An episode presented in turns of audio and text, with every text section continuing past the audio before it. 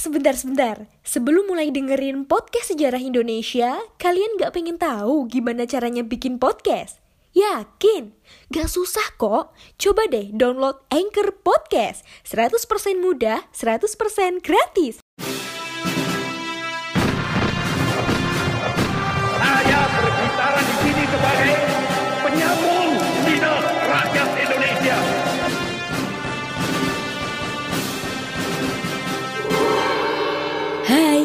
Kalian sedang mendengarkan Poseidon, podcast sejarah Indonesia. Ngomongin masa lalu dengan gaya masa kini.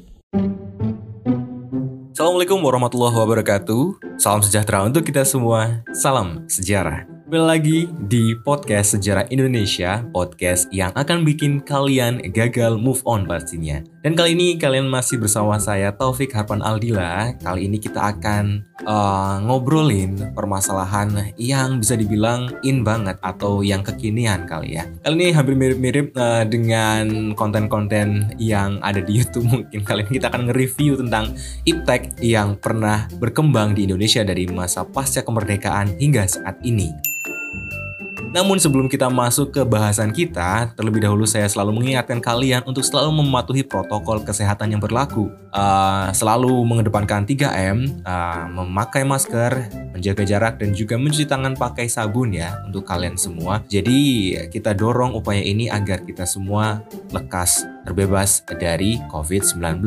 Good, itu dia poinnya. Tanpa berpanjang lebar lagi, mari sama-sama kita masuk ke dalam bahasannya tentang teknologi. Berbicara masalah teknologi, maka kita tidak akan henti-hentinya dibuat terpukau dengan perkembangannya. Dari era ke era, zaman ke zaman, nyatanya kemajuan teknologi pada akhirnya dirasakan oleh Indonesia juga. Perkembangan teknologi menjadi salah satu batu loncatan keberhasilan pemerintahan sebuah negara, khususnya Indonesia. Bagaimana teknologi membantu menjadikan sebuah negara menjadi lebih maju dan lebih bergengsi kala itu. Jadi, ya sekarang itu kan sudah mulai muncul masanya siapa yang punya teknologi lebih mutakhir, dialah yang kemudian menjadi sebuah negara yang diakui dunia.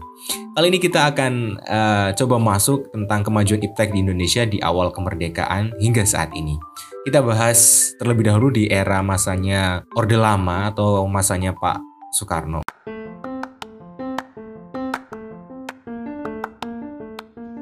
Halo Sobat Poseidon, kalian pasti sudah tidak asing lagi dengan Anchor. Yap, aplikasi penyedia jasa untuk para podcaster pemula dan juga pro. Buat kalian yang pengen mulai nge-podcast, langsung download aja Anchor di App Store ataupun di Play Store. Di sana, kalian bisa nge-podcast dengan banyak banget pilihan background musik. Setelah itu, kalian bisa mempromosikan podcast kalian ke mana pun. Secara otomatis, nanti akan di-sharekan oleh Anchor sendiri. So, tunggu apa lagi? Cus, nge-podcast bareng Anchor.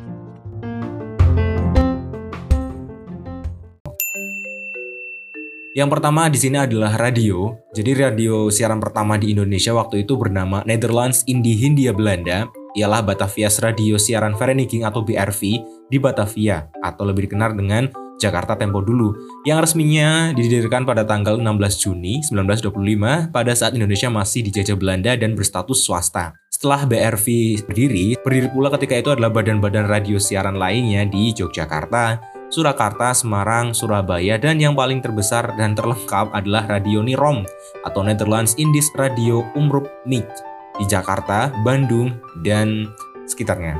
Karena hal ini mendapat bantuan dari pemerintah Belanda kala itu sebagai pelopor timbulnya radio siaran usaha bangsa Indonesia uh, adalah Solos Radio Vereniging yang didirikan di kota Solo pada tanggal 1 April 1933 oleh Mangkunegoro uh, 7 dan Insinyur Sarsito Mangun Kusumo. Ketika Belanda menyerah pada Jepang tanggal 8 Maret 1942, sebagai konsekuensinya radio siaran yang tadinya berstatus perkumpulan swasta dinonaktifkan dan diurus oleh jawatan khusus bernama Hosokan Rikyoku. Merupakan pusat radio siaran yang berkedudukan di Jakarta serta mempunyai cabang-cabang yang bernama Hosokyoku di Bandung, Purwakarta, Yogyakarta, Surakarta, Semarang, Surabaya, dan Malang. Rakyat Indonesia pada masa ini hanya boleh mendengarkan siaran Hosokyosu saja. Namun demikian di kalangan pemuda terdapat beberapa orang dengan risiko kehilangan jiwa secara sembunyi-sembunyi mendengarkan siaran luar negeri. Sehingga mereka dapat mengetahui bahwa pada tanggal 14 Agustus 1945 ini Jepang telah menyerah kepada sekutu. Kala itu ketika Bung Karno dan Bung Hatta memproklamirkan kemerdekaan Indonesia tidak dapat disiarkan langsung melalui radio siaran karena radio siaran masih dikuasai Jepang kala itu. Nah, teks proklamasi kemerdekaan Indonesia baru dapat disiarkan dalam bahasa Indonesia dan bahasa Inggris pada pukul 7 malam, namun hanya dapat didengarkan oleh penduduk di sekitar Jakarta saja. Baru pada tanggal 18 Agustus 1945, naskah bersejarah itu dapat dikumandangkan keluar batas tanah air dengan resiko petugasnya diberondong senjata oleh serdadu Jepang. Gila, berani banget ya. Ya, karena pengen merdeka gitu ya. Dan tak lama kemudian dibuat pemancar gelap dan berhasil berkumandang di udara radio siaran dengan stasiun call Radio Indonesia Merdeka.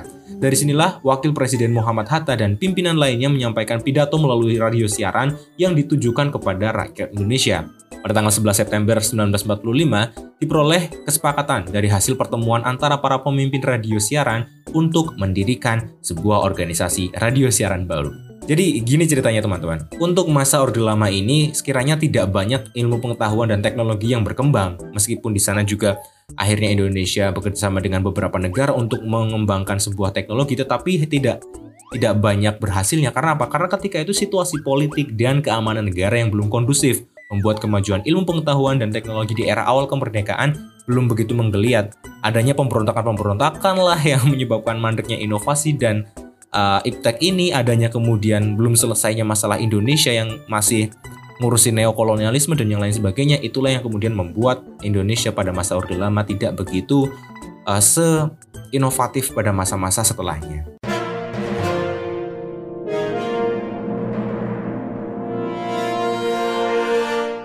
Hai teman-teman, saatnya kita masuk di segmen History Flash. Tahukah kalian dengan Menara Eiffel di Paris, Menara Eiffel dibangun oleh Alexander Eiffel dan sebagian besar biayanya ditanggung oleh dia. Hei, kalian pernah jatuh cinta? Pasti pernah kan? Karena rata-rata orang di dunia jatuh cinta sebanyak tujuh kali dulu sebelum ditakdirkan menikah. Musik dapat membuat otak bahagia loh, dan kebanyakan mendengarkan musik dapat membuat perut cepat lapar. Ada yang sekarang lagi lapar? Demikian di Story Flash, kita ketemu di episode berikutnya. Jangan lupa untuk selalu mematuhi protokol kesehatan, memakai masker, mencuci tangan, dan menjaga jarak ketika harus beraktivitas. Saya Aulia pamit.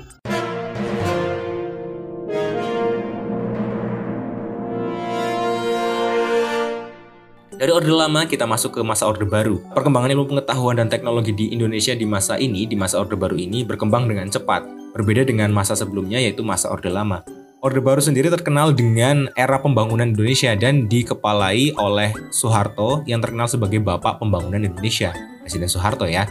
Adapun kemajuan-kemajuan di bidang iptek yang pernah terjadi adalah yang pertama peluncuran satelit SKSD sesuai dengan kemajuan teknologi, manusia mampu menciptakan satelit buatan.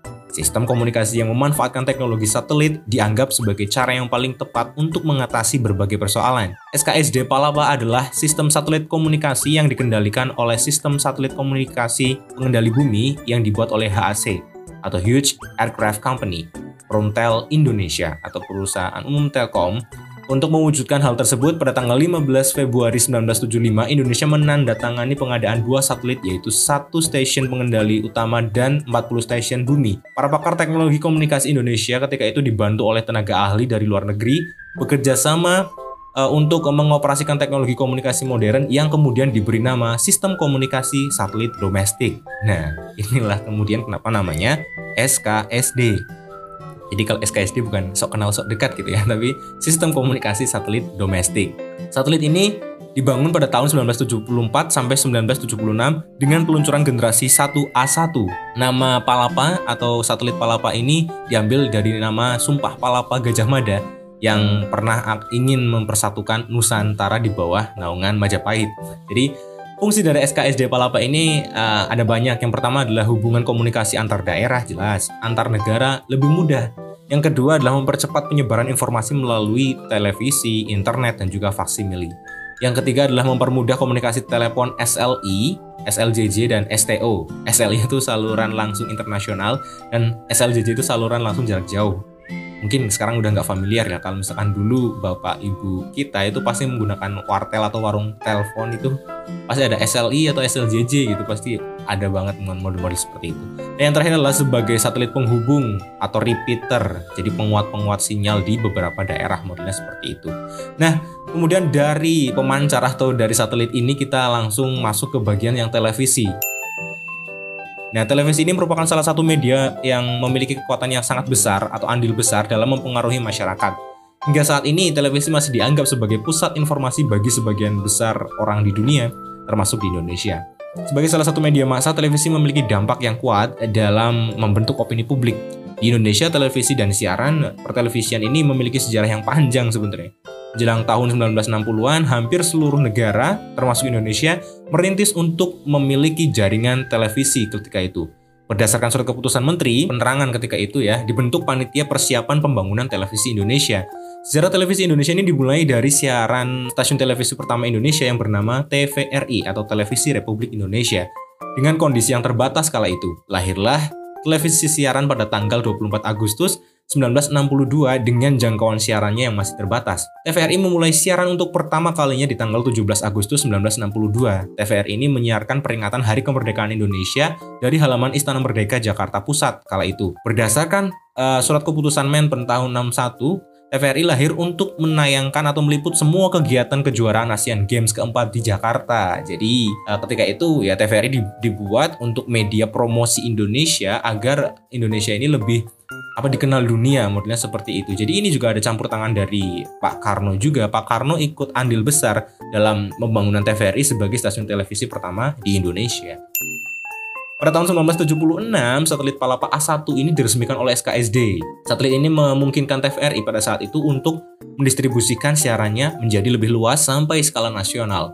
Memasuki tahun 1980, TVRI memperkenalkan sistem dual channel di mana terdapat TVRI nasional dan TVRI lokal dengan saluran dan konten lokal dari beberapa provinsi di Indonesia. Nah, jadi kalau misalkan kalian misalkan nonton TVRI itu ada channel lokalnya, ya itulah kemudian ke uh, bagaimana kemudian teknologi yang dipakai dari pemancarnya ini sudah sangat maju gitu ya. Jadi bisa dinikmati di lokal sekalipun. Adanya perkembangan ini menimbulkan peluang bagi pihak swasta untuk mengembangkan kembali stasiun-stasiun televisi baru. Jadi nggak hanya televisi nasional, tapi juga akhirnya lahirlah televisi-televisi swasta yang sekarang sudah banyak menjamur gitu ya. Di tanggal 24 Agustus, tepatnya di tahun 1989 ini, lahirlah stasiun televisi kedua di Indonesia atau swasta ini bernama Raja Wali Citra Televisi atau yang dikenal dengan nama RCTI sekarang. Nah, setelahnya kemudian berikutnya muncul ada SCTV dan juga uh, teman-temannya yang lain. Kalau sekarang mungkin sudah banyak banget ya uh, stasiun televisi seperti itu yang bisa kita nikmati dari uh, rumah kita gitu. Jadi tanpa worry. Oke, kita tarik nafas sejenak dan kayaknya ada yang mau lewat terlebih dahulu. Jadi kita break ya. Baik kita lanjut, selanjutnya ada sarana perhubungan dan penerbangan. Sarana perhubungan pada masa ini digalakkan besar-besaran sebagai upaya penunjang kehidupan rakyat. Seperti sarana perhubungan darat yang paling banyak diminati oleh masyarakat karena harganya ketika itu adalah murah, cepat, dan juga mudah dijangkau. Sarana perhubungan darat yang uh, diupayakan ketika itu adalah uh, jalan raya yang sudah ada, terus kemudian membangun jalan tol dan juga jalan layang, membangun rel kereta api, dan penggandaan kereta api yang lebih modern Selain perhubungan darat yang dikembangkan pada masa ini juga ditingkatkan sarana perhubungan laut dan juga udara sebagai sarana penjangkauan dan mempercepat lalu lintas antar pulau serta upaya meningkatkan perdagangan domestik dan internasional. Pada zaman pemerintahan Orde Baru, IPTN mendapatkan kucuran dana dan fasilitas yang besar dari pemerintah untuk mengembangkan dunia kedirgantaraan di Indonesia agar mampu berbicara lebih baik di tingkat dunia. Pesawat seperti N250 dan N230 berhasil diciptakan, namun IPTN mengalami kegagalan pada saat bekerja sama membuat pesawat Sokogeleb yang pada waktu itu didukung oleh Serbia atau Yugoslavia karena proyek ini tidak berjalan dengan baik.